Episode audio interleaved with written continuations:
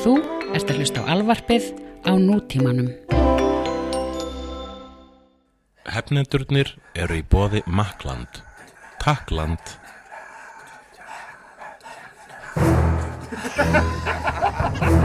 Jæja,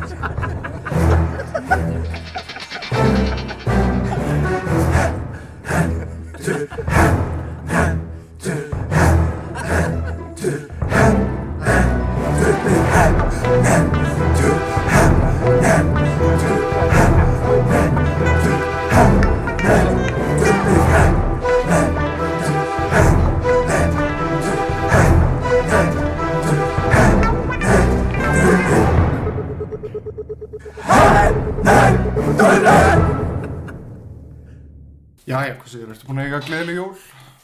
Mhm. Ég er búinn að sitja, já, ég er alltaf búinn að sitja, ég er búinn að liggja, Já, glápa og geta. ég er búin að gera svipað Búin að vera að kalla upp á, á glápi Já, uh, Horfði loksins á hérna, allan Dr. Who allan sem að bara er búinn að vera nú. Já, ég er búin að missa af svona cirka 5-6 þáttum Já, og ég náði að catcha upp og það var ógæðslega skaman þetta er gott stöf. Bara ver- verulega góð seri Þetta er svona lendingin hjá þessum, þessum doktor. Já, Hann er flottur og þetta tveggja parta dæmi var heldur gott og, og hérna innkoma personunar hennar Áshildar eða Mí eins og hún kallar sig Já. sem að hún hérna Anja í Stark Anja Stark leikur. Já, sem heitir eitthvað annað í alvöru svo leikona já. Það er gott stöf og svo náttúrulega Christmas special. Ég skal segja þér áttu nú eitt nördalegasta annan í jólum allra tíma. Nú? með því að fara ekki bara í bíó tvisvar heldur tvisvar í bíó einn. Á í bíópartís á uh, skallið þessi að Doctor Who Christmas special og á uh, Tron hjá Svartin Sunnudugum Hvernig er trón? Tron, gamla Tron Já, æðisleg stendur hann alveg fyrir sínu? ég meina þú veist þetta er hún- Ég man eftir að hafa reynd að horfa á hana og mér var svona svolítið svona hmm. Já, meni, hver, við hverju bjóstu við? Haf- Hafðir ekki séð hana áður einhvern tímann þegar þú horfður á hana síðast og Jú. gerir svona hm. Já, ég held að hann hafði jafnvel þá verið hmm.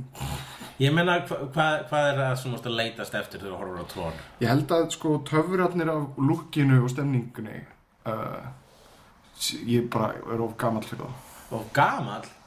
Ég, Ég ég, misti, ég misti af augnablikunni, ég misti af tækifærinu þegar þetta var svona the thing. Ég, ég, Það misti allir að því. Það fór enginn á þessa mynd. Þegar þú komið bíó.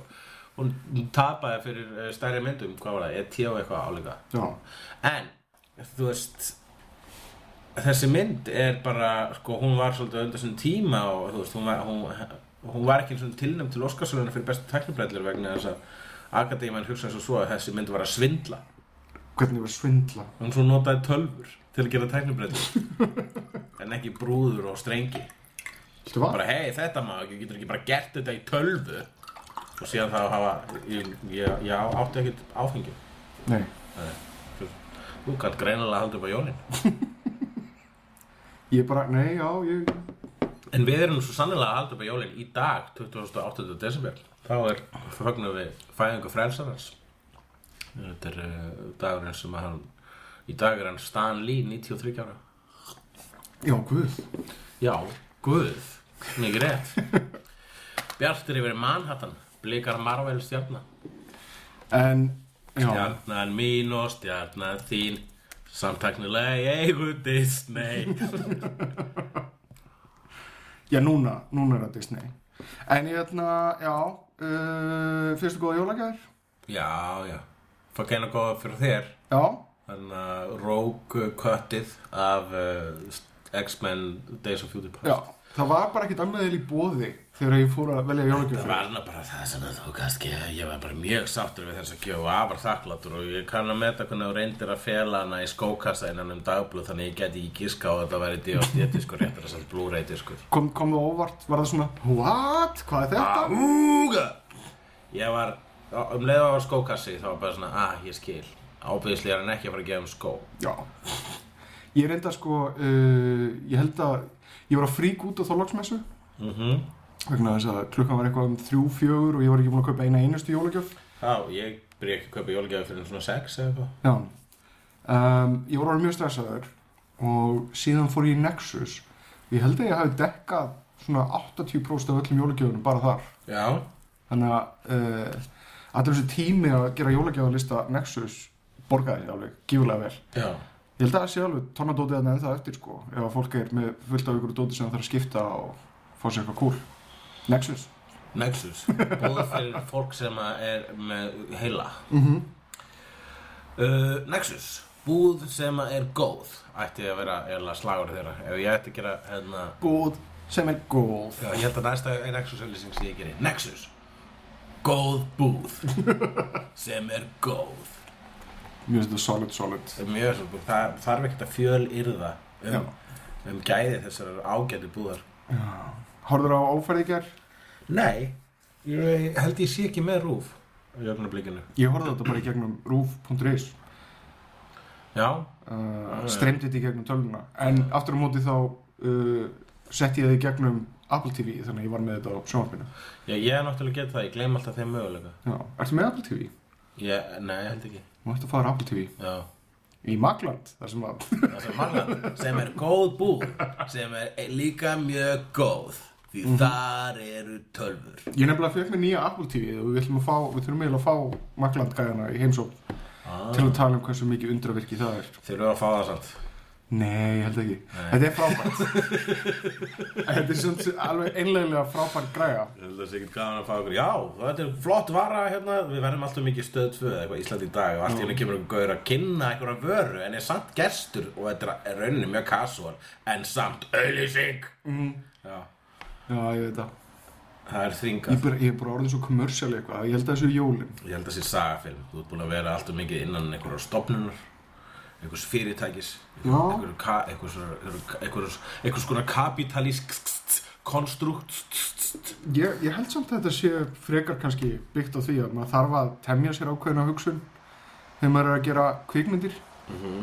og sjónvarp Já, maður verður að vera batteri til að tilheyra Matrixinu. Það er það sem þú ert að reyna að segja. Í, í grunninn sko. Já. en er það, vegna þess að kvikmyndir og sjónvarp eru svo óheirilega dýrt listform. Það kostar alveg ykkur 100 200 miljónir að gera eina, eina sjónvarseríu eða kvikmynd. Já, og ef ekki meira, sko, helst meira. Þannig að þá þarftu bara að þú veist, græja alls konar shit til þess að redda þessum pening. Þetta þarf að vera, þetta þarf að höfða til ákveðins hóps, þetta þarf að uh, uh, sem sagt vera markaðsvænt og svo frá þess en á sama tíma þarf þarftu líka að halda inn í halda í eitthvað svona listrætt gildi og, og það allt þetta er, Jú. þetta er Þetta bransinn, já, línudans Það er þetta ekki Eurovision lag eitthvað mann? Línudans Það er ekki hérna Ellen Kristjáns? Ég, ég veit ekki hvort það er Eurovision lag, var það ekki bara lag? Já, bara lag, eitthvað kákálag eitthvað svo liðs Mm. En já Já. Já, ég er maður með húð og, Einhvern veginn- og kjöt innan, innan í húðinni. Ég hef svo óþægilega tilfinningu við sem báðir svona einhverjir feitir innikettir eftir jólin. Ég er mjög feitur inn í kvættur, þess vegna var ég að spyrja hvort þú ættir áfengi. Já, vantaði þig eitthvað, eitthvað svona djús. Svona, svona kreatífa orku innan gæsa lappa Já, það er hægt að kalla það það. Ok, já, já, þá, byrju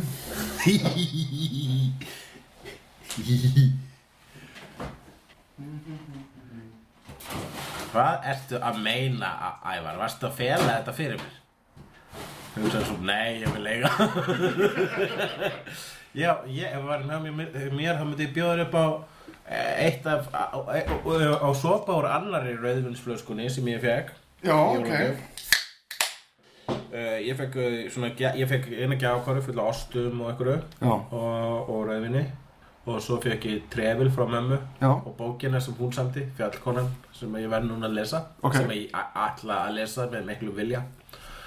Og um, svo fekk ég þess að disk frá þér og og það var meira og minna það sem ég fekk sko. ég var, ég fjöldi mikið færri já, en það er bara vegna þess að maður er uh, var svo stór. Já Þetta er þetta sem er- fylgir því að eldast að maður fær færri og færri jólagjafir.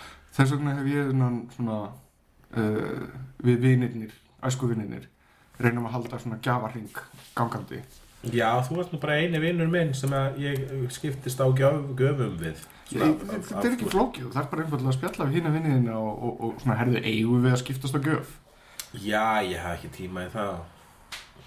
Þeir voru nú ekkert að spjalla við mig sko.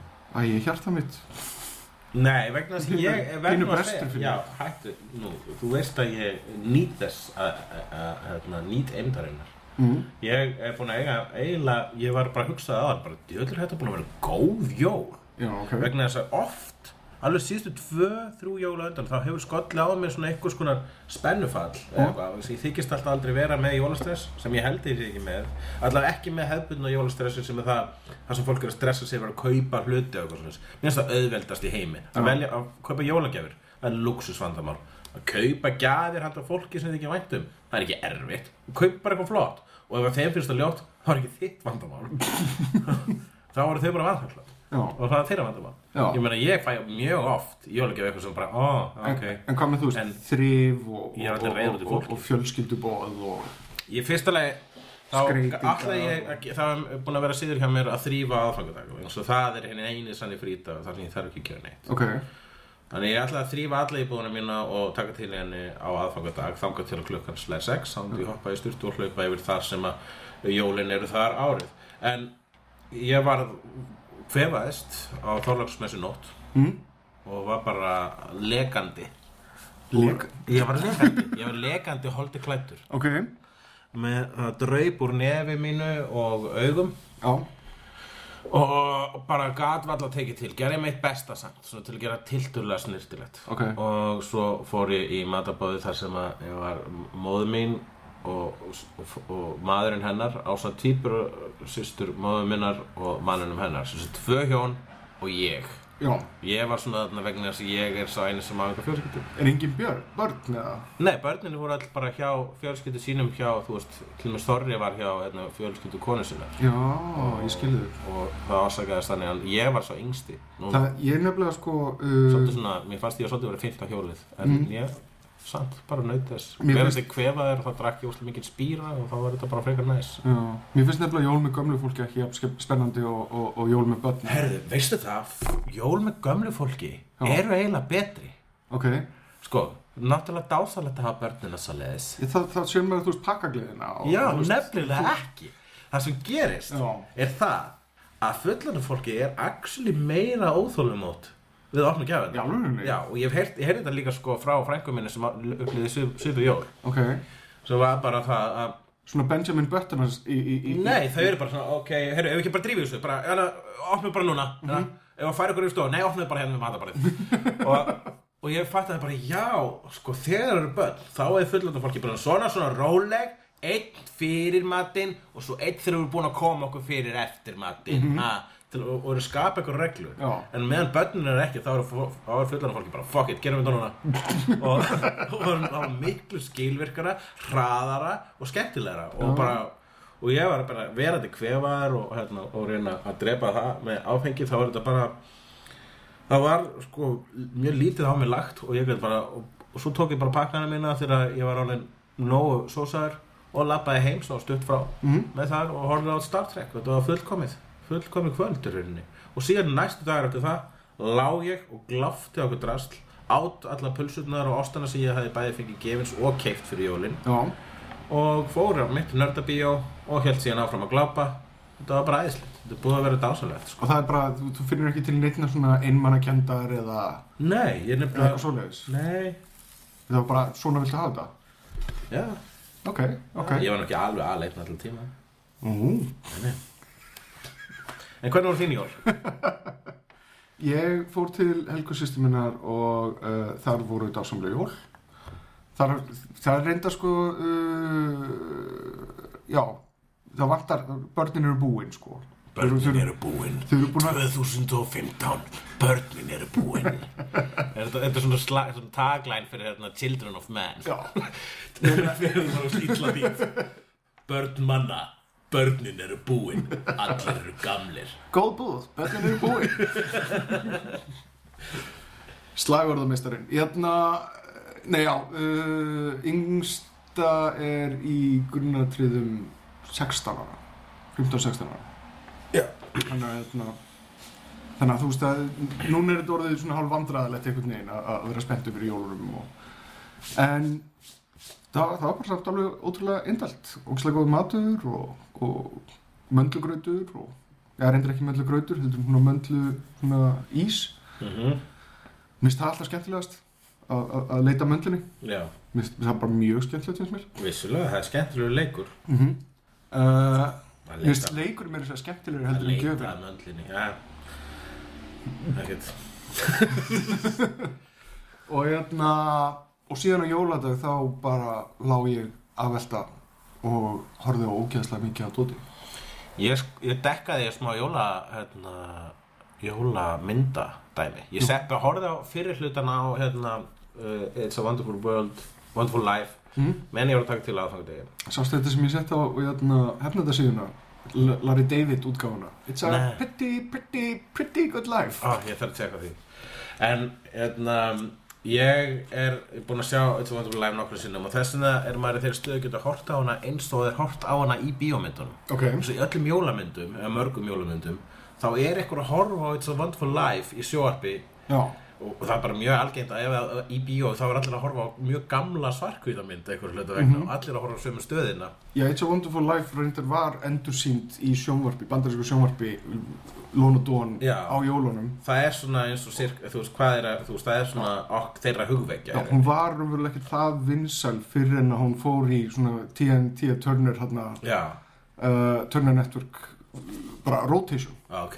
Bara, þetta er dásaleg mynd, það er óslega þægilegt. Ég hef hana bara í gangi og svo bara sverið fram í eldhús og er ekki þannig sem fylgjast með henni. Ég veit hvað gerist í myndinni, en hún er fyrsta lagi bara dásaleg, þetta er besta jólamyndin, veist, í rauninni. Fyrir utan náttúrulega Kiss Kiss Bang Bang og Gremlins og og alla hinna og, Nei, hún er allavega eh, mér finnst það betur Gremlins náttúrulega, en hún sést einmitt á skjá í Gremlins. Já. Ég dekkaði hana, horfði að setja hlutan síðan daginn eftir á jóladag og bara svona sem vegfóður á meðan þú varst að gera eitthvað annað já, sem vegfóður mér að taka til og svo setti ég Gremlins pínu sem vegfóður Ok. líka meðan ég svona aðeins snirti betur til, en ég var aðeins betur í helsunni. Já, Og svo horfði ég á Scrooged mm?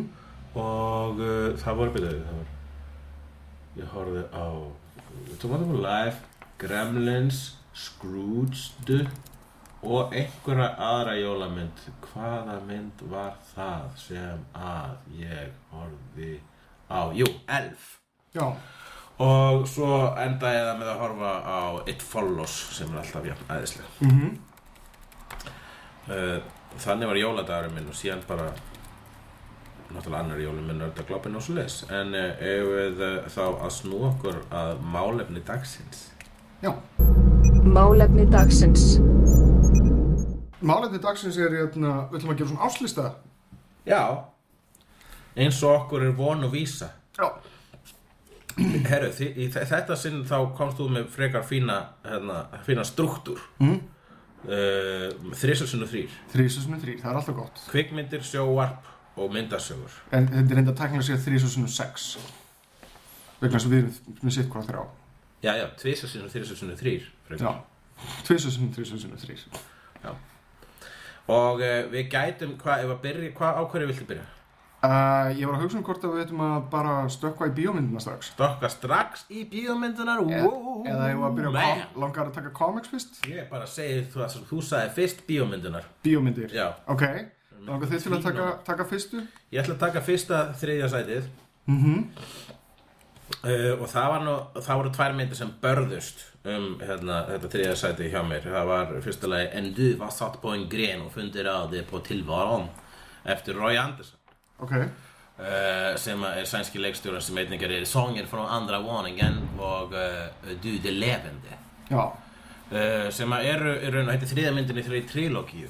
Já. Hann er með gífulega einfaldan og skilvirkan stíl. Þú sást hana samt en hún var uh, 2014 Ég held að hún hefur sínt janúar 2014 Hún kom á kvindaháttíð uh, í september 2014 í alvöru, og þá er bara engin betri ástæðan en að henda henni út af listarum Já, en mér fannst þessi að síðan í ár. Já, já þú höfður ekki síðan í ár, það geta alveg vel hugsast sko.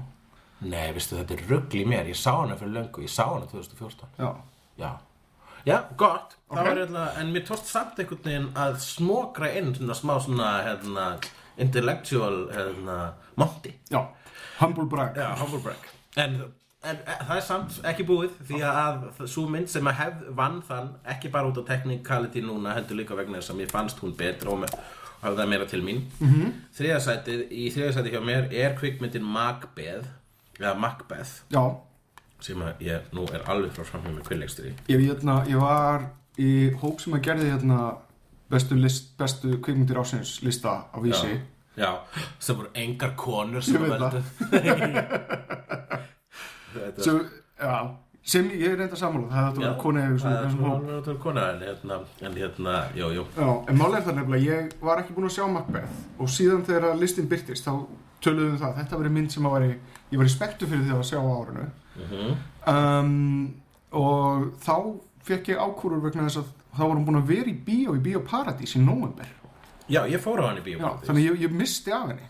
Ég frekar súrið við því sko. Ég held að sé að þó, ég veit ekki betur. Ég sá alltaf plakatið en þá uppi Hún er, st- er stórkostlega sko. Ég er Ég hef sagt einhvern veginn þessi Shakespeare nörd en það er bull, ég er ekki Shakespeare nörd vegna þess að ég hef ekki lesið Shakespeare áfergju eða þekki ekki hans ég þekki ekki bálkina þess að ég þekki bara svona hittar hana í rauninni sko. Já, þú, að- þú, þú ert alveg, alveg að- mellafæri ég í, að ég í að hérna Hamlet, eða ekki? Ég er mellafært þar. Ég er búin að hlusta best off diskin basically. Ok, uh, og uh, solid diskur samt. ég las Macbeth Já, í skóla og, og fannst það bara ágætt þá. Setna mér hefur svona einhvern veginn uppgötað innra með mér að svona gífurlegt svona appreciation fyrir þannig fyrir þessum langt í frá ofmetna meistara mm, Hamlet eins og segi er eiginlega orðið eftir mínum uppáhalds sögum Sa ég safna Hamlet útgáfum á D.F.D. og að reyna ef það er ekki að reyna að sjá þarna þessa, þessa beinu feed af Hamlet sem er stundum í vissur það að það var gerð sem er Benedict Cumberbatch er í vissur það að það var gerð hérna klámútgáð Macbeth árið 99 Ég bara ekki til þess að því. Sem heitir Macbeth XXX bara það kemur nákvæmlega ekkert orð Ég veit ekkert meira um það. Nei, ég hugsi, ég tek ekki það Ég er ekkert svo mikið hrifin af svona spoof klámi. Það er ekki það, er ekki það sem að leitast eftir í erotökinni sinni eitthvað svona Ó, ég vil þetta líkist meira. Einhverju svona einhverju Batman eitthvað svona Nei, nei, ég vil að Batman sé þarna og Sorin sé hérna. Ég var reyndar að horfa að hlusta á hérna viðtalið Neil Strauss sem að skrifaði æfisögu Gemma Jameson Já, og hann var að lýsa augnabliki þar sem hann satt með Gemma Jameson og hún var að sína honum myndirna sínar. Uh og þá spólaði við klámatriðin til þess að sína leikatriðin já, sem ég varst mjög svona krútlegt og fallegt já Í það held ég sé besta leið til að horfa á klám með Jamie Jameson sjálfri. Það var svolítið skrítið að maður þurfti að horfa á mm -hmm. erotísku atriðin. Auk þess þá eru þú veist erotísku atriðin, klámið. Þá, eru þau sko hérna, þú veist, þau eru löng tæknilega gerist ekki neitt um að fólk eru að skipta um stellingar og segja óframlega hluti eins og ég baby og eitthvað svona. Já, það er ekki, þú veist, það er, það er ekki verið neitt að brjót, það er ekki oft brotin blöð í þessari frásögn. Nei. En Macbeth aftur á móti. En Macbeth aftur. Ég elska að horfa á góðan Shakespeare vegna þess að það er eitthvað svona sko dag þegar tungumál að breytast í eitthvað svona, svona shortcut af tungumáli. Já, bara bæði á netinu og hvernig við tölum og hérna erum, eh, veist not, við sérstaklega ég á erfitt með að hlusta hefnendur vegna þess að ég heyri mínar málvillu svo vel. Já, og líka bara hversu hérna, hversu uh, menguð við erum af uh, hérna, slá, slangri og að flettum sem erum- að þarf ekki að vera neikvætt vissulega nei, nei, við erum einlega alveg hörmulegir íslensku. Já, já, en það er núna gaman sko þegar tungumál er orðið þetta eitthvað neginn svona eitthvað skona afbökun, hvort sem það er jákvæmt eða neikvæmt, þá er ógislega gaman að heyra personur fara með forna texta, það sem einhvern veginn hver text, hver lína er eiginlega bara svona hérna, svona gáta af, af, af, af ljóðrænu myndmáli Já, uh, fyrir þig til að leysa. Þannig að heilin fer af stað. Það er óslega gott. Þess vegna þegar ég horfa á, á Shakespeare á, í bíói þá hérna þá uh, verður maður sko það, maður lifnar svo mikið við. Þetta er bara svo mikið leik fyrir mér blóðurásin í, í hérna í heilanaðinu fyrir að stað. Eða, eða, eða þú veist efnaskiptin eða whatever. Vissur það að meðal Vissur það að meðal orðaforði hefur farið minkandi uh, síðan bara á Viktoríutímum Ég, er ekki hiss á því. Við erum sem þetta að tala um að allir þessi svona skýta kúrekar og svona. Já. Þeir voru líklegast með betri orðaforða heldur en við. Mm Þeir töluðu allir eitthvað svona Shakespeare-máli eins og Deadwood sýnir fram á. Já, De- Deadwood er Heimildamynd. Deadwood er ekki heimildamynd og þeir töluðu öðruvísi heldur en en þeir töluðu svona, jú, þeir töluðu svona fína Já, er út af en þeir bréf- sögðu ekki jafn oft cocksucker. Já, og í Deadwood, þeir sögðu það eiginlega ekki. Þeir sögðu darn tootin og heckerbreakin eitthvað sögðu- töluðu eins og hérna rauðhæri kúrikinn í Bugs Bunny. Ég held að það sé meira svona rawhide uh, Nei, það er þannig Kúrikinn. sem þau töluðu. Og málið er að þeir sem að gerðu Deadwood Mhm. þeir létu, fyrstu handrið voru skrifuð þannig. Jú, eitthvað hoopsie hoppin, darn tootin, yellow belly. Ok, og, og það var allir bara svona þetta er bara, þetta er bara eins og djók. Þetta er bara eins og hvað sem hann heitir rauðhæri kúrikinni í Bugs Bunny. Please, googla það fyrir mig. Ok. Og en þá bara, ok, við verðum bara að taka öll þessi orð vegna að í þá daga var Darn Tootin og Hickory Dock eða eitthvað þá var það Yosemite eins Sam og, Yosemite Sam. Þá var það eins og cocksucker Ok, og, og motherfucker. Þannig að þeir tóku þau orð út og settu í staðinn cocksucker og motherfucker og þannig var að tungumálið Deadwood til. Þannig að er, það er bæði raunsætt og ekki. Ok, ég man ekki eftir að hafa heyrt að þessu en ég, ég, Nei, ég, ég hef lesið þetta og hort á aukaefni í Deadwood, hætt að horfa á mig með þessum efasendu augum. Ég, ég, Akkur ætti ég verið að ég, þetta? ég tek ætti alveg ég verið að bulla þetta? Ég tek því alveg trúanlega Já, nú gerir það með einhverjum mjög, kímin eða sposkur að jáfnvel Já, en uh, En Macbeth- Gátur tungumálsins og Macbeth. Macbeth er eh, hérna uh, ekki bara hérna æðislegt. Ég rætti þetta við sögu Garðars einhvern tímann að hérna slæmur Shakespeare er slæmur Shakespeare. Það er að segja, þú fer í leikhús og horfur á illa uppsettan Shakespeare. Það er ekkert verra. Já, vegna þess að þá allt inni langar ekkert að leysa þess að heldur skátur.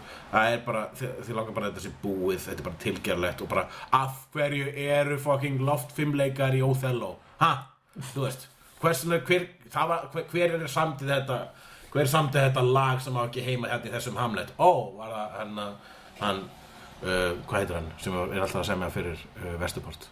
Uh, hver gerir alltaf tónlistina fyrir það ekki Jú, hann upp á Nick Cave. Nick Cave, og allir að reyna að gera Shakespeare cool með þessi Nick Cave í hann ekki það, ég, ég man ekki hvort að Vesturbort gerði það en ég var bara svona Ekki- nefna dæmi um íslenska Ekki leikhúsklísu Shakespeare já, já, hérna Chekhov eða eitthvað.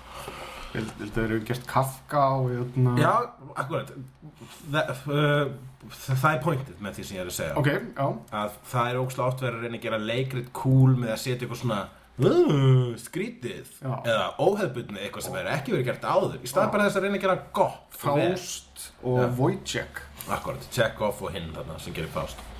En það uh, En þarna er þetta algjörlega tilgjörulöst og þetta er bara ógísla basic uh, frásögn af þessari klassísku sög hún er akkurat eins dark og hún á að vera. Nornirnar hef ég aldrei séð túlkaða betur. Mín, þetta er mín uppáhald Macbeth útfæsla síðan bandarinska kvikmyndin Scotland PA sem var nútíma útfæsla á Macbeth þar sem að í staðan fyrir Skotland þá var það hamburgarstæður Ok, og ég mæli eindræði með henni eh, ég með minnur að Jennifer Aniston leikur uh, lafði Macbeth þarna, og í staðan fyrir blóðbletti á höndinni þá erum við svona djúbstykkingarpotta brennslibretti Dú, ok. Og mæli eindræði með þeirri mynd. Þessi mynd er hins vegar kvikmyndagerð í hæstæðmæli hvara ég manstu þegar að, hérna maður sá uh, Braveheart í fyrsta skipti. Mm. og uh, herinni tveir klest á hvern annan með háaða og dingjum og bara, maður bara, wow, svona eiga bardagar að vera. Já. svona stríða lít út í Eitt í close-up með blóðum Já, höggum. Og síðan þá hefur maður séð það endur tekið í hverri episku stríðsmyndinu á fætur annari og það hefur orðið veikari og veikari síðan þá. Mm. þarna gera þær þetta aftur. Láta heri mætast. Ok. nema á nýjan hátt. Og, og, og ég hef sjaldan, mér er ekki upplifað þú veist, wow, flott ofbeldi moment, jafnvel síðan breifart Ok, og þess vegna set ég Macbeth í þriðja sæti yfir bestu kvikmyndir ásins 2015 ok Ég, ég, ég býð bara spenntur eftir tækifærin til þess að sjá hana.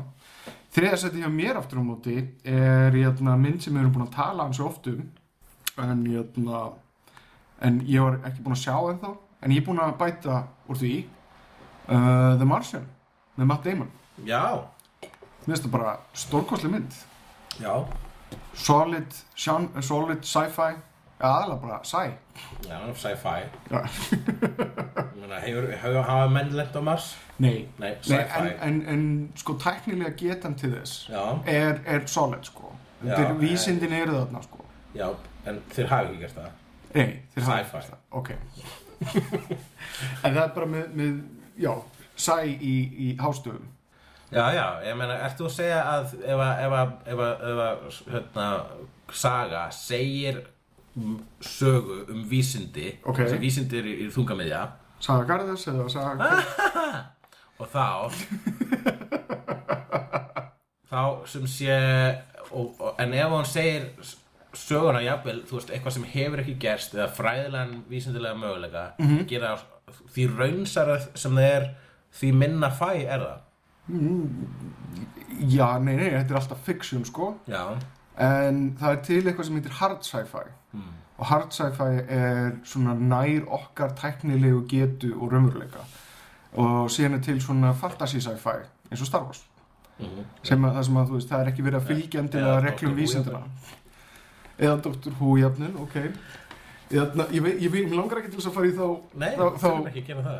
það er yfirildi en þá Nei, nei, en, þetta, þetta mun ég vinna en Matt Damon uh, að tínast út í geimi Já, virðist vera bara þetta var Solid formúla. spennandi mynd. Mm Ég hef alveg, sér- sérstaklega hérna í klímaksinu login maður, fucking hell. Allt, allt svoleiðis atrið, þau fara með mig sko. En Robinson Crusoe í geiminum, ég veist þetta Þetta var það, þetta var það, þetta var Robinson Crusoe í gefnum Mér fannst hún líka stórkustlega sko. Skemmtilega basic. Og Sean Bean brandarinn maður Mjög góður. Við- Ég þurfti að, ég kvísla bergi og þess að tíu bara One does not simply walk into Mars. Þetta var bara, okkur er enginn að segja þetta? Þetta er fullkomum moment. Þetta er svo alltaf þegar kemur ef maður sé James Earl Jones taka, vera að leika bara eitthvað svona mannlegt hlutverk í bíómynd og alltaf þegar þeir tekur pásu þá verði ég að segja mm, Obi-Wan has taught you well. En ekki, Nei, ég skilja sér ekki jafnvel humorist. Já, ég skilji It's all about timing boy. Eða Marsen, dásanlega mynd. Dásaleg Alveg, alveg neldi þetta fyrir mig. Og ég fari annars sæti mitt. Já, Það er kvikmyndin It Follows já, sem að ég er búin að minnast á áður í þessum þættu og oft, oft áður. Ég náttúrulega elska hryllismyndir og þessi mynd er ástæðan að ég elska horror. -hmm. til að geta hrætt fólk með hugmynd að hérna, þú veist, þess vegna eru ódýrar horrormyndir ofta einhvern veginn það besta, þú veist, þegar einhver gerir mynd úr engu eins og Halloween eða The Haunting, það sem að, það sem að sko bara, en, bara myndatakan tónlistin, frásögnin og fyrst og fremst hugmyndin nota til að hræða þig, Já. ekki peningurinn. Og, uh, og hérna er hugmyndin bara gessamlega solid og góð hugmyndir oft, sérstaklega í hryllismyndum uh, endur spegluna einhverju úr okkar veruleika og, og það er mjög auðvelt að lesa það, það, það, er óhugnað sem er verið að myndgera sem einhvers konar endurspeglun á ótta fólks við kynlíf og kynsjúkdóma þarna sko er það ótti sem er ríkur í þér? uh, ótti við kynsjúkdóma Já. nei, maður bara að fara barlega Já, já, já en Nei, bara fornilegt, hvað tengir svona, þig svona hugrænt við þetta? Já, sko Hvers vegna er þessi ótti svona sterkur fyrir þig? Það er ástæð til dæmis fyrir að Kronenberg er uppaldi hjá mér en þess að hann alltaf átti mjög langt svona body horror tímabil -hmm. og body horror þá er sko það er verið að spila við sama grunn ótta eða, eða kannski viðbjöð jafnvel og, og hérna uh, uh, Lovecraft gerði, gerði það er það að sko að ef við horfum á okkur í nærmynd og sérstaklega kynfærin okkar eða, eða þú veist eða ég vil förum einan en þá og horfum að inniblóða okkar þá erum við ekkert nema einhver furðulegur absúrt hryllingur ég fjallum þetta í uppistætturum mínu. Tippi eru fáránleg. Mm. þau, eru, þau líta út, tippi líta út eins og eitthvað úr Kronenbergmynd Já, eða aliens. Lovecraft sögu og píkur líka. Já. þetta eru fokkt á plötir það er ástæða fyrir að uh, frasin bumping uglies er til í ennsku tungumáli yfir kynlíf. Þú veist, þú veist að taka hryllilegustu hlutun okkur og klessa þeim saman. Já. Afsaki ég skildi það, setja það, það er body horror samt. Þú veist, ef við erum tölum um It Follows þá er það kannski meiri, meira það að vera að gera hugmyndir um nándað martröð. Já, það er, það, er It Follows gerir það, nema það It Follows gerir það uh, tekur það á annar level þar sem að sko það, þetta er ekki kynlíf er slæmt dæmi eins og hefur oft verið spila með í hryllismyndum heldur er þetta meira sko kynlíf er það sem það er og, og það er nöðsilegt og þarna í þessu tilviki er kynsjúkdómurinn innan geðsalapa mm. hann er læknægilegur bæði sko, hann smitast með kynlifi en þú getur fjarlægt hann með kynlifi líka Já. vegna þess að þetta er svona eins og rauninni the ring, það sem þetta er bölvun sem þú getur fært yfir á annan -hmm. til þess að halda bölvunin í skefjun þá verður alltaf að færa hana yfir á annan þannig að þessu tilviki þá var að verður kona, hún sefi á strák kemur ljó- ljós að strákurinn var að losa sig við bölvun sem er eitthvað uh, er þetta it sem Já. er í titlinum it follows sem er einhver vera sem að lítur ekki neitt út, neitt út eins og eitt vegna hún skiptir um ham í hvert sinn, sem hún sést. Lítur hann út, eins, út eins og einhver uh, hérna, allsber manneskja með eitthvað líkamslíti eða bara lítið barn eða bara eins og einhver kona eða eins og einhver manneski sem þú elskar og þekkir mm -hmm. blekkir það eins og hátt er kvikindislega skepna og hún eldir þig svo lengi sem þú ert með bölvunina og það er svona það sem þessi stúlka þarf að gera er að finna einhvern annar til að sofa hjá Já. nema þarna kemur fucking uh, dilemma vegna þess að Hvernig er- ætlaðu að drepa með, með hvernig ætlar að drepa og þú verður síðan að þú ætlar að sofa hjá manneskinn þá er þetta að segja bæði vegi, ég var að láta þið fá bölvun sem núna þú verður að losa þig mm -hmm. please ekki koma aftur til mín Eitt reyndar, hvað myndi gerast ef, að, hérna, það eru margir að horfa á uh, ringmyndbandið? já, þá, ég held að þú þá bara fer saman bölvun á hvern einasta einstakling og hann verður að losa sig við þá bölvun á sinn hátt En hvað var skilur hópurinn kemur síðan saman og horfir á þetta aftur uh, þegar að bölvurinn á að Áttu, ég meina hva, hvað Gæ, gæti, gæti svona nógu stór hópur lamiðu shit out of Ring hérna, hvað sem hún hétt Já, Ég held að hún sé það skiptir einhver máli hvort að hún horfi í augun á ein, einum aðila eða, eða marg, mörgum aðilum. Ég held að hún gerir sama sitt við alla. Það mun bara mun einhver stömbla upp á heilan bíósala af fólki sem er Vá, ef við getum sett við ring í bíó. Já, það var pínu overkill. Þú veist bókstælega, það var ekki líka svona bara, á, þetta er bara eins og hérna- þetta þetta er bara, þetta er bara eins og risastór Death Star eða eitthvað. Já. Þetta er bara svona stærra Death Star. Mér langar reyndar að laun minn uh, fyrst að við erum að tala um hrylling uh, heimildamyndin The Nightmare. Mm. sem kom út á ég, Þetta er ekki hluti á listanum, bara, þetta er heimildamynd. Já, uh, sem að fjallar um sem sagt þérna uh, martröð martröðinar umverulega þetta þegar þú upplifir slíparafasins þegar þú ert frosin í rúminu en samt með meðutund Mhm. og allir, eða mjög margir upplifa það að sjá einhverja veru koma að rúminu og liggjast yfir, yfir mann og þetta er mjög creepy shit. Já heimildamind um martræðir. Já. og ég meina það er, þú veist, orðið martröð er, uh, og nightmare. Já, Mara þessi draugur sem er gömul kettling sem sest á brjóskassanar og heldur þér fastri heldur þér föstum. Í kvikmyndinni sem að ég man ekki heitir sem að, sem að hann uh, það sem hann Alec Baldwin tala fyrir jólaseinin nema heitir ekki jólaseinin heldur North og hann tala með rúsneskum hreim. Yeah, It's North Pole, I give children presents. Mm. ógíslega skemmtileg mynd þannig séð, vantar svolítið upp á söguna en karakterinn er skemmtileg. Þar er svona martraðar vandikall ok. sem að sendi frá sér um, nightmares nema það eru merar, svona hestar já, svartir hestar. Setta á ég að fara í mitt nummer tvö já, Hérna, ég ætla að skella mér í Ex Machina. Legend of the Guardians hétt hún eitthvað álíka. Ok, og, og það er eð, eð, eða það er myndin um uglunar það, það var, það var, það var myndin um það eigluna er mjög svipaði til, tillar já. Legend of the Keepers eða eitthvað svona já, þetta er svona páskakanjan og allt saman. Já. já, já. en uh, Ex Machina uh, er nummer tvö hjá mér. The Rise of the Guardians hétt hún. Hvað sagði þau? Ex Machina? Uh, sem Ex að Machina sem maður reyndar. Já, ok, whatever. Hérna, sem að fjallar um tvo menn sem að uh, þetta, þetta er næstu því bara leikrit sko. tveir menn saman í, í litlum uh, bústað eitthvað staðar á einangröðu stað og uh, eru að ræða við uh, vélmenni með gerfigrind já, sem stúlka. Já, það sem hefur að pröfa mörkin milli mennsku og, og gerfigrindar já. Og það, það er best að segja sem minnst myndina bara einfallega að fara að sjá hana. Hún er alltaf mjög svona frábær og hún er líka mjög gott dæmi um hérna uh, þetta að uh, þegar þú ert ekki með almennilegt budget þá skaltu láta hugmyndina á handritið uh, vega sem mest. Mm og þannig er það algjörlega gert. Já, dundur fucking mynd.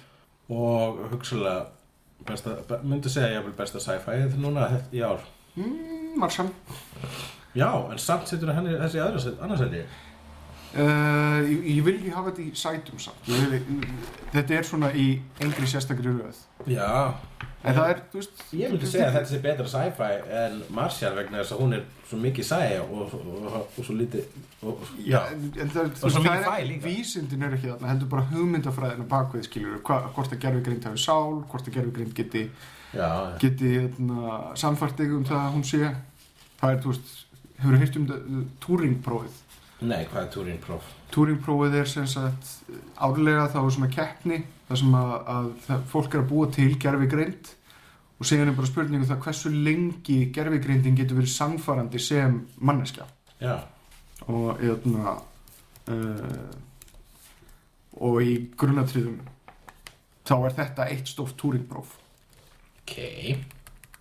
En já, snildamynd snildra mynd. Og ég sé mitt fyrsta sæti sem sé? Já, erum við ekki með sama í fyrsta sæti? Er það ekki? ég uh, var undirbúinn fyrir það. Já, ok.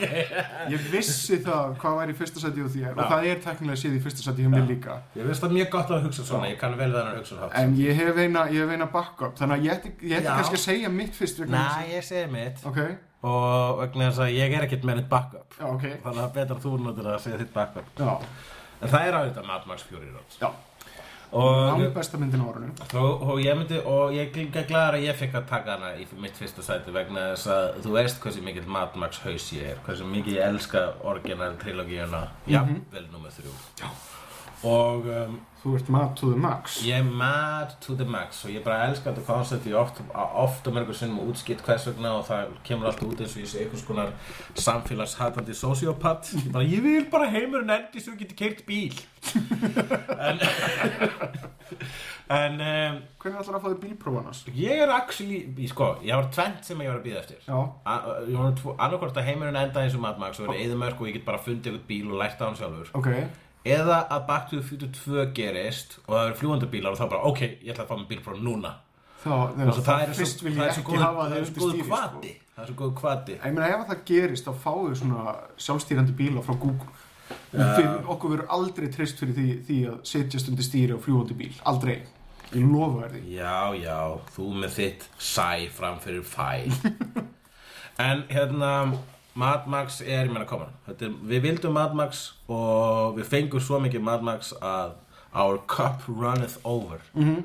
um, ég hef heyrt fólk segja bara, þú veist, sem að kemur fyrir hann bara, what the fuck, það er allir setja sem frábæð mynd. Þetta er bara bíliartíkuleikur með klísikjöndu personur, ofbeldi án sögu, söguþrás og ég bara það er einmitt það það er eitt af því, marg, eitt af mörgur sem gerir Mad Max Fury að excellent kvikmyndagerð. Hún hún hunsar hún er ekki hrætt við það að vera bíljartíkuleikur með klísikjöndu personum uh, ofbeldi án söguþrás Já. hún verður bara, hún er málverk. Hún er ást, kvikmynda fyrir mér er kvikmynda formið til svo að Max Fury Road hafi verið gerð. Svolítið stórt í árinna tekið en hún er bara svo falleg. -hmm.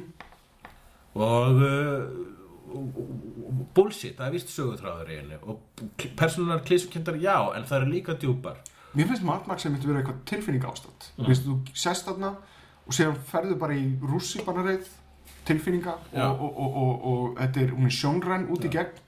Ég meina þú þarft ekki að skilja eitt einasta orð sem er sagt þarna. Hún hefði getur verið á einhverju svona sigur vonlensku, sigur Já. þess að vonlensku. Já, og, ef, og líka ef þú fílar henni ekki bara, já, ok, flott hjá þér þú fílar greinilega ekki awesome hluti.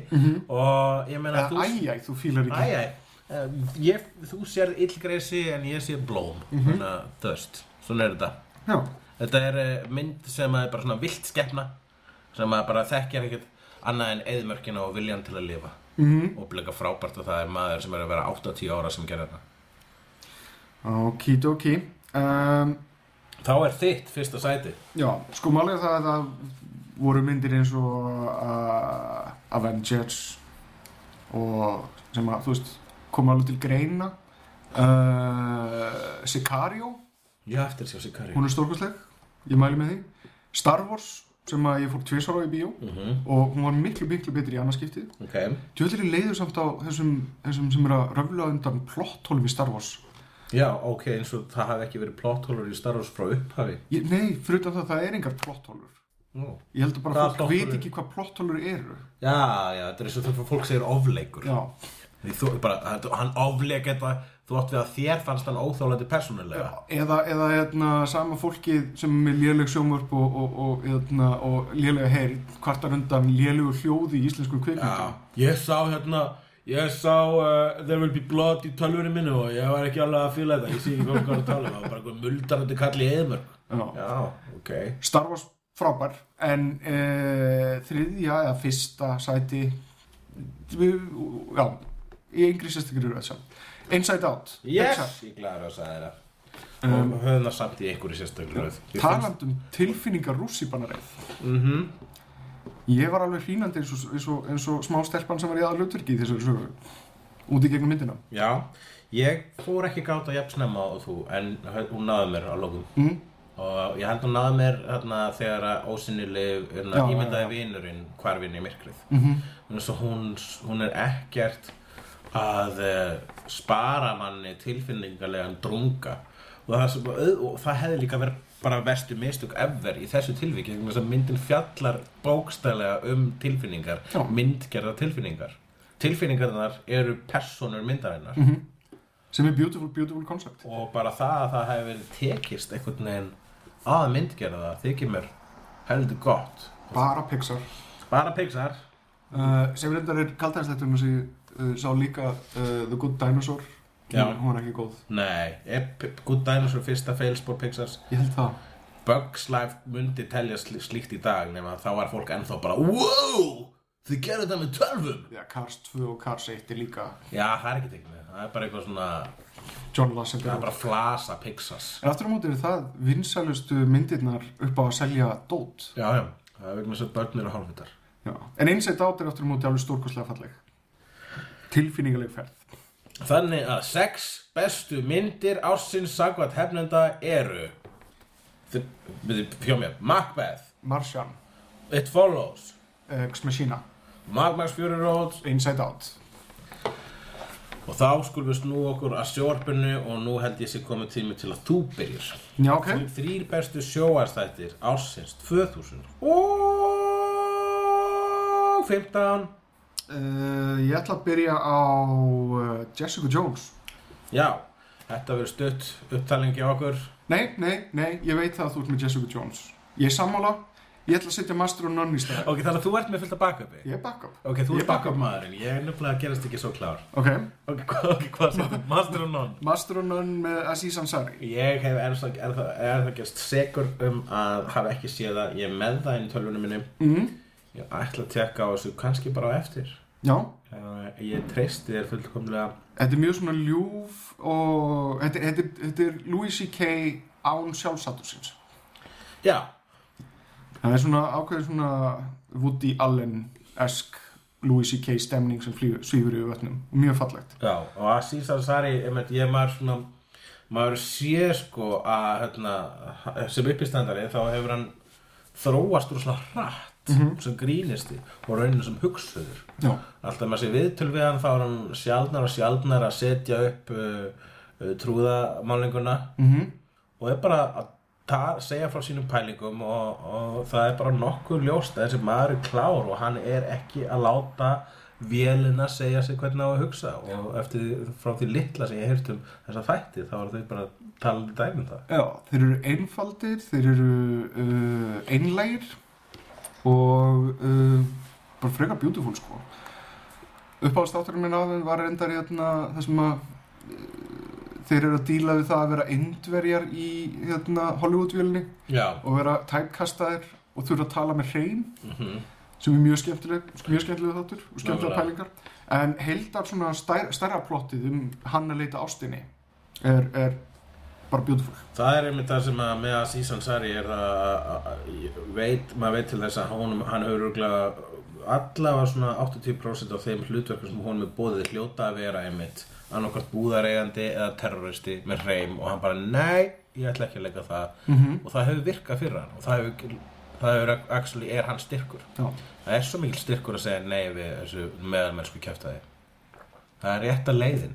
Nákvæmlega Ég ætla að tala til um uh, meðalmennsku, þá er svona helst uh, ein mesta meðalmennsku frásagnar uh, um, mesta meðalmennsku klísjan þannig sé uh, í Hollywood. Er romkomið mm og uh, ég hef sagt ég tvisar eða þrísar mælt með þessum þáttum hérna í hefnindum en setin þátturinn sem var í ár búin að vera svo óksla skemmtilega solid og þetta er það, þættirnir You're the Worst sem er rom-com fyrir cynical assholes eins og mig. Ok, sýnir ekki bara hvað ástin getur verið fallið hjá fólki sem trúir ekki á ástina heldur líka sín, ekki sýnir svona þorir að setja sko myrk elementi eins og þú veist tunglindi og svik inn í þannan inn í þetta þannan ramma og láta það virka bæði húmorísku og dramatísku leveli.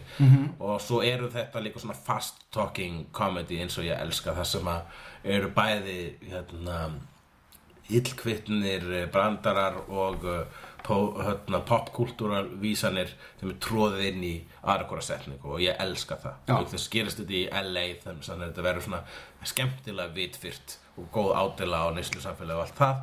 En aðalega bara gengur áfram þrátt fyrir allt þetta uh, drungala kæftæði sem ég er búin að tellja upp þá gengur þetta áfram á hjartanu. Við erum svo fokkt með, með besta sjónvarpið samt. Mm. Það er svo mikið af góðu sjónvarpið sem búið að vera. Já. Uh, Ef ég fyrir númer tvö? Ég, ekki að segja Rick and Morty að segja Nei, okay. ef við fyrir í númer tvö Þá ætla ég að segja The Jinx. Já, ok sem er bara ein magnaðasta sjónvarsupplifur mín í langa tíma En sást þú The Jinx á þess að vita tvistið? Já, það er ekki tvist heldur ég, menn Það það er samt bara tvist á tvist á tvist ofan sko. Já, ok og uh, þetta lokadæmi með, með, þú veist Ég heyrði bara um þetta loka dæmi áður en ég heyrði þetta að vera sjóast þetta er bara svo fucked up Já. dæmi sko. og þetta er, þetta er, þetta er beautifully sviðsett uh, og sagan sjálf er, er klikkuð. Þetta er bara faglega unnið frá A til Ö. Já. og uh, þetta virkar bara þannig á mann að eftir hvern einasta þátt þá komið eitthvað nýtt tvist þar sem man bara hvað í anskotanum er í gangi með hennar mann? Og já, þetta fjallar um sem sagt mann sem var ásakaður um að myrða konuna sína. Og síðan frekari sem sagt glæpi og skringilega hluti sem hann hefur framkvæmt síðan þá og Ok. bara hann sjálfur er furðuverk sko. þetta er alveg ógeðslega gott stöf. Mæli indriði með þessu. Ég ætla að horfa á þetta en það eftir að horfa á þetta en meðtek þetta án uh, nokkur svo vafa inn í listan okkar.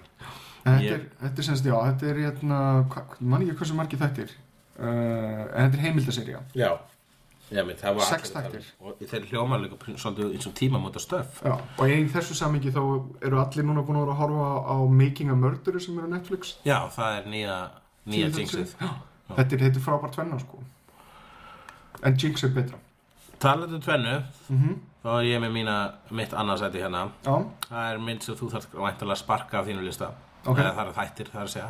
Og það eru þættir sem við höfum stanslust lofað Já. frá upphafi Þannig að það eru sem sé Rick and Morty já, sem að er ekki bara að finnast á hugmyndaríkasta Animation Green síðan Futurama. Ég vissi að þú væri með, með þetta á leiðin á listan þannig að ég, ég er búin að sveia fram hjá þessu. Var flott. Heldur er þetta líka besta sci-fi? Þetta er bara sko sci-fi þú veist á hvað er metafysist rétt orð hér? Ég, ég meina, þetta þetta þetta tak, teklar ótrúlega flóknar Þetta er stórar hugmyndir. Geðveikt hugmyndir um Kenningar. um vittir og uh, þú veist tíma og þú veist, þetta er svo fucked up skrítið og mikil snild en nær samt líka að vera hjartnænt og fyndið, ógeðslega fyndið. Skamtafræðingur hljóta að elska þetta ef, ef, ef, ef ég bara vissi nákvæmlega hvað skamtafræði er. En ég vissum það, það hljómar að sögur sem ég myndi elska uh, Það er ekki tækt að við erum, búin við erum alltaf að tala vel um þessu þætti þannig að það er ekkert skrítið að þetta endi hérna á listanum og, og bara náttúrulega elsku við Dan Harmon sem er einn af heilunum bak við þetta og, og bara svo glaðir að hann skildi vera til sko, All að sá hail maður skuli vera vera og fórna sinni geðhilsu lítur út fyrir að vera til þess að skapa svona stöf sko. Mhm. það er bara eitthvað sem við þökkum kærlega fyrir. Mjög áhugavert, ég held að við að vona mjög góðri Rick and Morty seríu næstu vegna þess að hann er kemur? maður hvernig kemur hún? uh, næsta ári. Kemur hún næsta ári? Já, Mér fannst þess að ég heyrði hún kemur ekki fyrir 2019 eða eitthvað. Það er verið að gefa eitthvað í skinn í lokin á, jötna, á En Hvernig er hann brotin? já, hann var að skilja. Já, hann er nýbúin að giftast. Ok. Síðan eitthvað fjórum, fimm mánuðum síðar þá, þá, þá er hann að skilja. Mm, eh, ég er að hor- hlusta á Harmontown þættina Já, og hann er, hann er á mjög áhugaverðum stað. Ok. Þannig að það verður eitthvað skrítið sem gerist þar. Já en uh, sko ok. Síðasta hjá mér. Mm þetta er ógeðslega fucking erfitt vegna þess að uh, ég, já, við þurfum eiginlega að taka bara svona upptalningu eftir að þú ert að nefna þitt.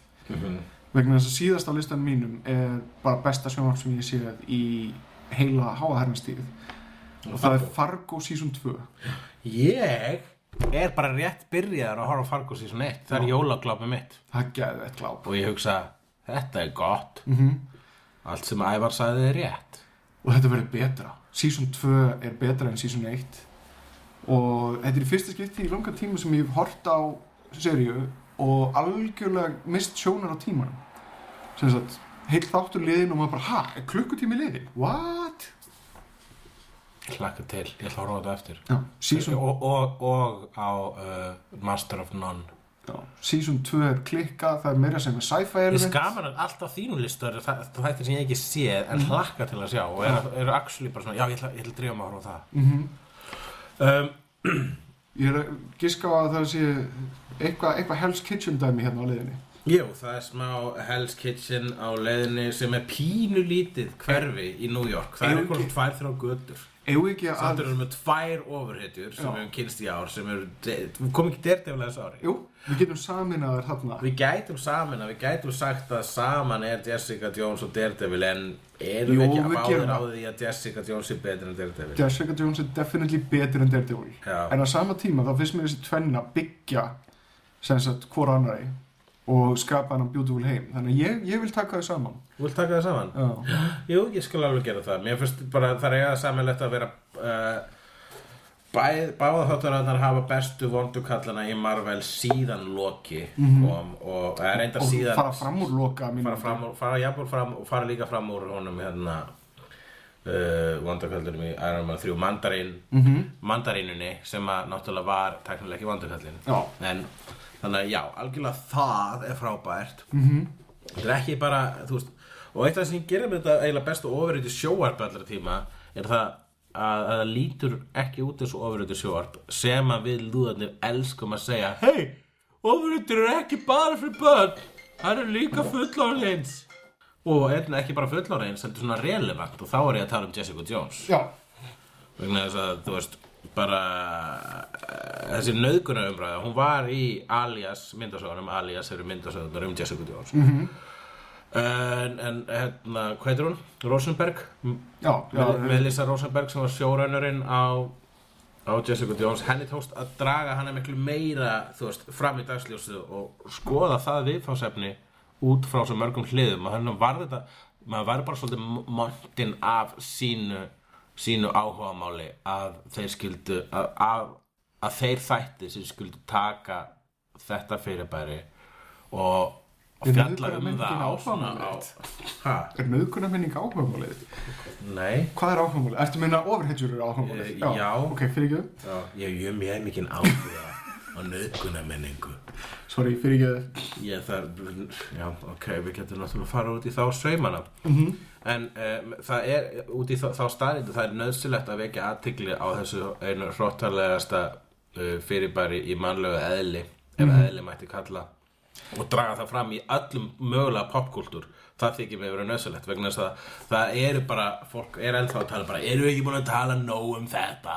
Við, við, við vitum, kall með nöðga já, en við skulum bara tala um að þanga til að uh, það er gert eitthvað almennilegt í því. Ég, mér finnst líka mest í plúsan við þetta er það einmitt að fá kvenkinn sjórunar í þennan heim vegna þess að þar, þá gerist eitthvað nýtt í hún þá er, þá er tekið á áhugaverðum málum sem að við þú veist, lúðakallarnir erum kannski ekki að fylgjast með eða, eða, eða tjá okkur um vegna þess að þetta er ekki hluti á okkur upplifuna heimi Já, það er nefnilega að gerist gjarnan og þetta er alltaf einmitt ef að það er, eh, ef að þú veist það er alltaf að tala um að það er reglulega er einhverju lúðar að tala um bara hei, þú veist neina að hætta að tala um þetta uh, hvað getur maður sagt? Bara uh, hættu að tróða feminisma inn í okkar okkar áhugamál. Mm. Sem að er mjög skamsýnt sem er ekki bara skansitt heldur bara þú það að ykkur skuldi kvarta yfir því er ástæðan yfir því að það er verið að tróða feminisma en gæslapp inn í það. Og feminisma er bara og verið að tróða líka innan í uh, og en og og svo, kann ég ekki við að nota orðið feminismi í þessu samhengi það er bara verið að tróða meiri konum upplifunar heim kvenna. inn í þetta þetta risavaksna mengi sem ég væri til í að sjá miklu meira af konum í og sem blessunlega er það bara að taka stóra uppi og bara að fara í smá turbogýr núna á síðustu árum vegna þess að vegna þess að ég vil ekki þurfa að skammast mín fyrir hvað mikil pungfíla af mínu áhugamáli. Og þegar ég segja áhugamáli er að tala um comics ekki nöð En já, Jessica Jones, snild um, Mér langar bara til þess að svona aðeins að, að kíkja á seríu sem við, minnumst ekki á eins og loka seríun af Mad Men sem var, var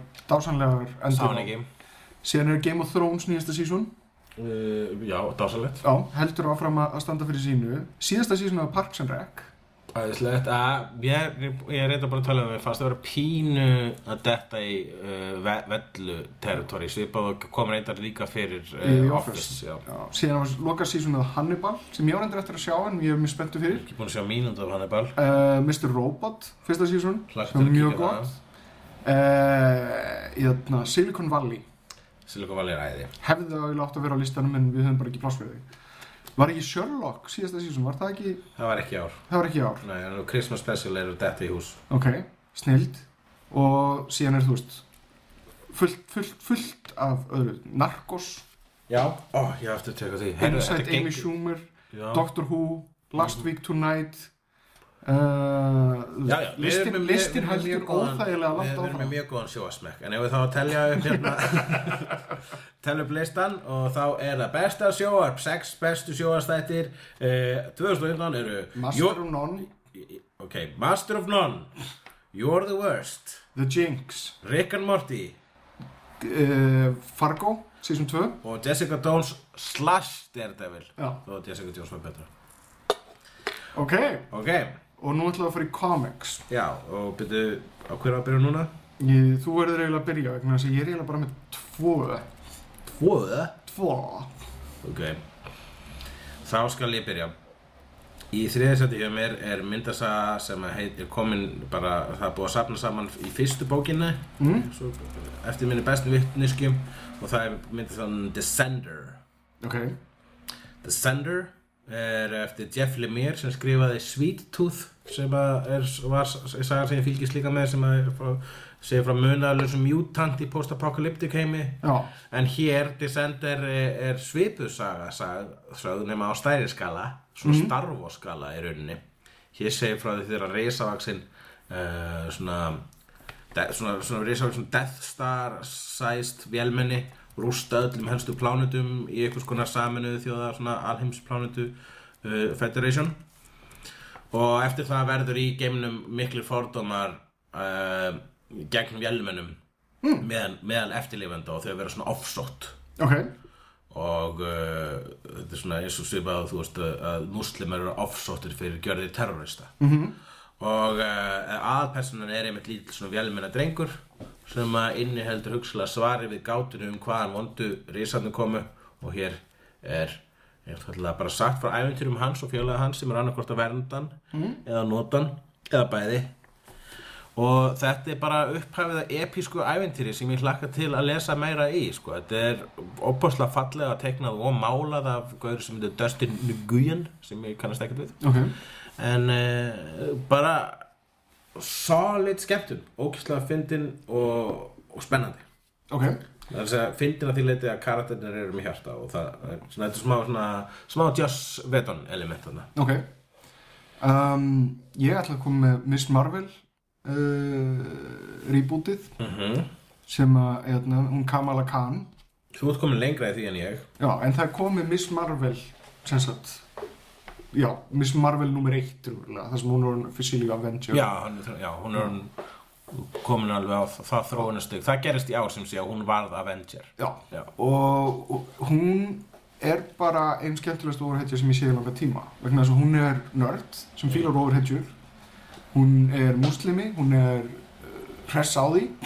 Hún hress á því? Já, sem því hvað? Því bara það að hún er ógslag skemmtileg. Já, hún er ógeðslega leiðileg Akkurat. hún er ekki svona the city needs me. I hear the city scream. Já, er, I am her lover. Já. wait, uh, protector. En ég meina hún, þú veist, hún byrtist fyrst, hvað, 2013 eða eitthvað leis en aftur á móti þá Miss Marvel nummer eitt frá, Já, ég hef lesið að, að það sem er búin að vera í gangi í ár með hana Já. er svolítið toppurinn það sem er í ganga í Miss þá Marvel. hættir hún að vera Captain Marvel og orðið Miss Marvel. Nei, nei, nei, hún var aldrei Captain Marvel. Það ekki? Miss, hún Kamala Khan. Já, var hún ekki Captain Marvel til að byrja með? Nei, Ok, sko Hún, Carol Danvers sem var Miss Marvel á undan Kamala Khan Mhm. hún var Miss Marvel lengi vegna þess að það var til annar Captain Marvel Einmitt. og svo hætti hann að vera relevant þannig að hún var uppdeituð yfir Captain Marvel Já. og þá var þessi stelpa Kamala Khan hún ákveður að vera Miss Marvel án þess að hafa hvernig rétt á því vegna þess að, að, að þessi Miss Marvel að Captain Marvel að hvað sem þau kalla sig Mhm. þau eru uh, afkomendur eða einhvern veginn tengt uh, gemveru rasans The Kree já, og The Kree, það sem að fólk heitir Marvel eh, það sem að uppröðulega kaftin Marvel hétt það Marvel, sem er gefurinn nafnið hans. Mm -hmm. þaðan kemur þetta Marvel dæmi bara, það var bara þeirra leið til að láta það tengjast titlinum og útgáfafyrirtækjum en eh, og svo þótti það náttúrulega voðalega skemmtilegt og hluta af þessari nýju eh, kynjakota stefnu Marvels að láta næsta Captain Marvel vera konu og þá náttúrulega lá beina stuð að láta Miss Marvel, Captain Marvel uh, Miss Marvel, Carol Danvers verða Captain Marvel Einmitt. en þá er, kemur inn þetta lúða element hjá Kamala Khan og hún dyrkar Ma Captain Marvel Já. og hún bara ég, ég vil vera líka Marvel, ég ætla að vera Miss Marvel en hún var aldrei Captain Marvel. Hún var bara alltaf Kamala Khan og setna Miss Marvel. Karl Danvers samt pínulítið svona réttirinn í öndum já já en hún bara, ég er bara að segja að Kamala Khan var aldrei Captain Marvel. Ok ok. Hún hefur ekki unnið sér þann titil. En allavega þá Miss Marvel nummer 1 frá 18. november 2015 sem ég er kannski að meða við. En eh, uh, kom þú með nummer 2? Númur tvö er saga sem við talaðum mjög nýlega sem er Terror Assaulter týpundur Omvot Omvot stendur One Man War on Terror held ég um hann rétt okay. sem er viljandi trassi og hallarastlega ofbeldis uh, ópera mm -hmm. með einbeittan blóta vilja innihöldur allt sem þú hatar eða þykist hatar við afturrengabransan í dag þar að segja ofbeldi mm -hmm. sexisma og vafasöfum svona, svona neokon politi, politisk skilabóð og hann er bara super hæ- hægri og náttúrulega fasísk saga. Ok. Og fyrir vikið bullandi sterk ádela sem að samt virka sem skammalöst exploitation á hægsta eða lægsta gæða mælikvarða eða gæðaflokki. Hvernig sem, sem þú vilt túlka það þetta er stórkurslegt grín af myndasögum og um leið er þetta ókysla stórkurslega myndasaga full af ógeði ofbeldi og klámi samin af einhverjum uh, Brooklyn hipster teknuð og skrifuð uh, sem heitir Benjamin Marra. Ok. Um, Já. Ert þú með einhver aðra myndasögu? Já Ég er með jötna, The Sculptor eftir Scott McCloud. Já, The Sculptor. Já Scott McCloud sem Scott McCloud er ennþá skemmtilegur. Hætti hann ekki að vera skemmtilegur fyrir langalögu Ég, þessi, þessi, þetta er svona uh, fyrsta almennlega myndasagan gra graphic novel sem hann gerir í svona Mm. tíma sko. Sem er ekki svona, sjáðu, þetta er myndasaga Svona virka myndasögur. Já. Myndasögur. Uh, hún fjallar um einhvern gæja sem, að, sem sagt, fær þá náðar gáð að geta sem sagt, hann er, hann er myndhöggva myndhöggvari. Já og, jötna, og hann fær getuna til að móta all, all, allt efni eins og leir. Mm, The Sculptor. Já. Já. og þetta er bara beautiful þetta er svona, Og teiknuðu hún líka? Já, teknið og skriðið Ok. Uh, bara mjög góð saga með byrjun og endi og, og mjög falleg. Mjög spennu Já. og fjallar um, um, um, um svona, þú veist, brotnar mannesku sem hittast með þessari, þú veist, viðbútar vít Já Ok, æðislegt. Ég ætla þá að setja hérna uh, í, í fyrsta setja hjá mér er Bitch Planet mm -hmm. sem er eftir Kelly Sue DeConnick hún skrifar hana, hún er svona höfundur sem er don't take no shit. Já, hefur verið duglega að tróða sínum uh, öfgafeminísku sk skilabóðum í hinn og þessa titla eins og Supergirl og Captain Marvel. Sjálf segja ekkert öfga við þessi skilabóð, ég er bara að vitna í hrætustu lúðuna sem óttast breytingar meira en annað en það er ekki sannir lúðar í mínum augum Ok. stöðug breyting er eðlulegasta form tilverunar eins og Hopi indjánarnir orðuðu það Koyani Skatsi og er ég að vísa í kvikmyndur og Koyani Skatsi sem að heitir Koyani Skatsi eftir uh, orð, Hopi indjána uh, orði sem þýðir líf í óreiðu -hmm. en Bitch Planet eftir hana Deconic og teiknuð af Valentín Delandro ok, gæti ekki verið meira high concept í þessum uh, efnum það er að segja þessum feminísku efnum. Þar er á ferðinni augljósasta ádela á eina gæðsaleppa feðraveldi sem ég hef séð bara ever í rauninni. Mm. þannig að konur í þessum heim eru bókstallega ósjálfstæðir og sendar á fanganýlendu í geimnum ef þær eru ófrekar eða feitar eða skrýtnar eða klárar eða bara e of eitthvað já, þetta er svona saga sem bara svona öskrar í rauninni. Ok. Uh, We for Vendetta meets Hunger Games meets uh, su- Suffragettes. Hún er allavega aðeinslega ég er búin að lofsingja nú oft. Já. Herðu, en þá erum við bara með fimm. Nei, nei, nei, ég er með einu viðbútt þú ert með hérna, hjúk ok Sko, í fyrra þá byrjaði David Lappamáttur að skrifa til Stray Bullets. Já, og hann kláraði raunverulega söguna sem að var á undan og var hálf kláruð þegar hann yfirgaf hana.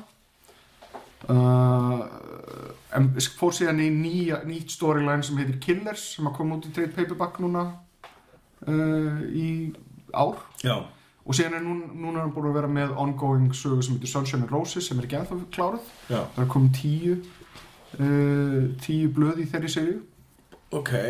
Og þetta er bara ógeðslega gott. Ég bara sé að það sem hann er að gera við Crossed já, sem, sem mjög, óhugnulegt mjög ógnulegt og skeri en alltaf fer honum vel þess að hann kann Já. á myrkulega mannkins Stray Bullets nænir mitt að, að spila harkalega á myrkur hlýðar mannkynsins. Þannig að Stray Bullets endur koman. Já, það eru komið tíu issue og þau verða 12 af Sunshine and Roses. Já. Uh, og það klárast núna í januar en ég er búin að vera á issue by issue lestri. Og ég get ekki hægt. Þetta er, þetta er eina mána, mánaðlega serían sem ég les. Æðislegt. Ég trú ekki öðru en að hún hefði skilað að vera á þessu lista. mm -hmm. Og þá skulum við tala upp 6 bestu myndasögur 2015. Byrjum á Miss Marvel. Miss Marvel og Descender, The Sculptor Terror Assaulter og Stray Bullets og Bitch Planet. Bestu myndasögur ársins. Við póstum einhvers konar uh, visuálum um þetta allt, alla þessa lista á hefnundasíðinni hér á Facebook 2015 sem er að vera búið. já, Það er búin að vera ágændis ár. já, Hvað var að versta á sári, svona núðulega, það er náttúrulega Fantastic Four, gaman að tala ítlum, en ég meina, er svolítið eins og sparki kvolp svolítið eins og sparka í, í kvolp, já, liggjandi mann, segir vist liggjandi mann? Já, ég veit það. Þetta er bara svo umgunnavert, skilur maður sér bara einhvern veginn kvolpa augun í öllum að reyna sitt besta en síðan Já. bara einhvern veginn fer allt í landskotans. Já, kvolpa augun allavega í leikstórunum voru, voru ströð sprengt og sögum uh, uh, fíknefnu neyslu, mm óhóflögurar og meðan á framleyslu stóð. Já ég, Eitthvað sem að sumi gætu afhjulst höllað en ekki þessi trankgaur sem var kannski, var ekki jafn mikið snillingur og margir vildu halda. Hei, okkur tókst þið að minna Já, nei Já, Hvað erum við búin að tala lengi? klukkutíma og 15 Vá, þetta er bara orðin hefnandi þáttur. Ef við ef við bara segja þetta gott í bíli Það var ekkert meira sem við ætlum að tala um. Nei Nei. Ógnar fjör má alltaf sjá. Í Reykjavík. Á landinu um loftin blá. Líka á sænum Hættur og háski Látur og gáski. Hefnendur Í Reykjavík. Hefnendur Í ævintýrum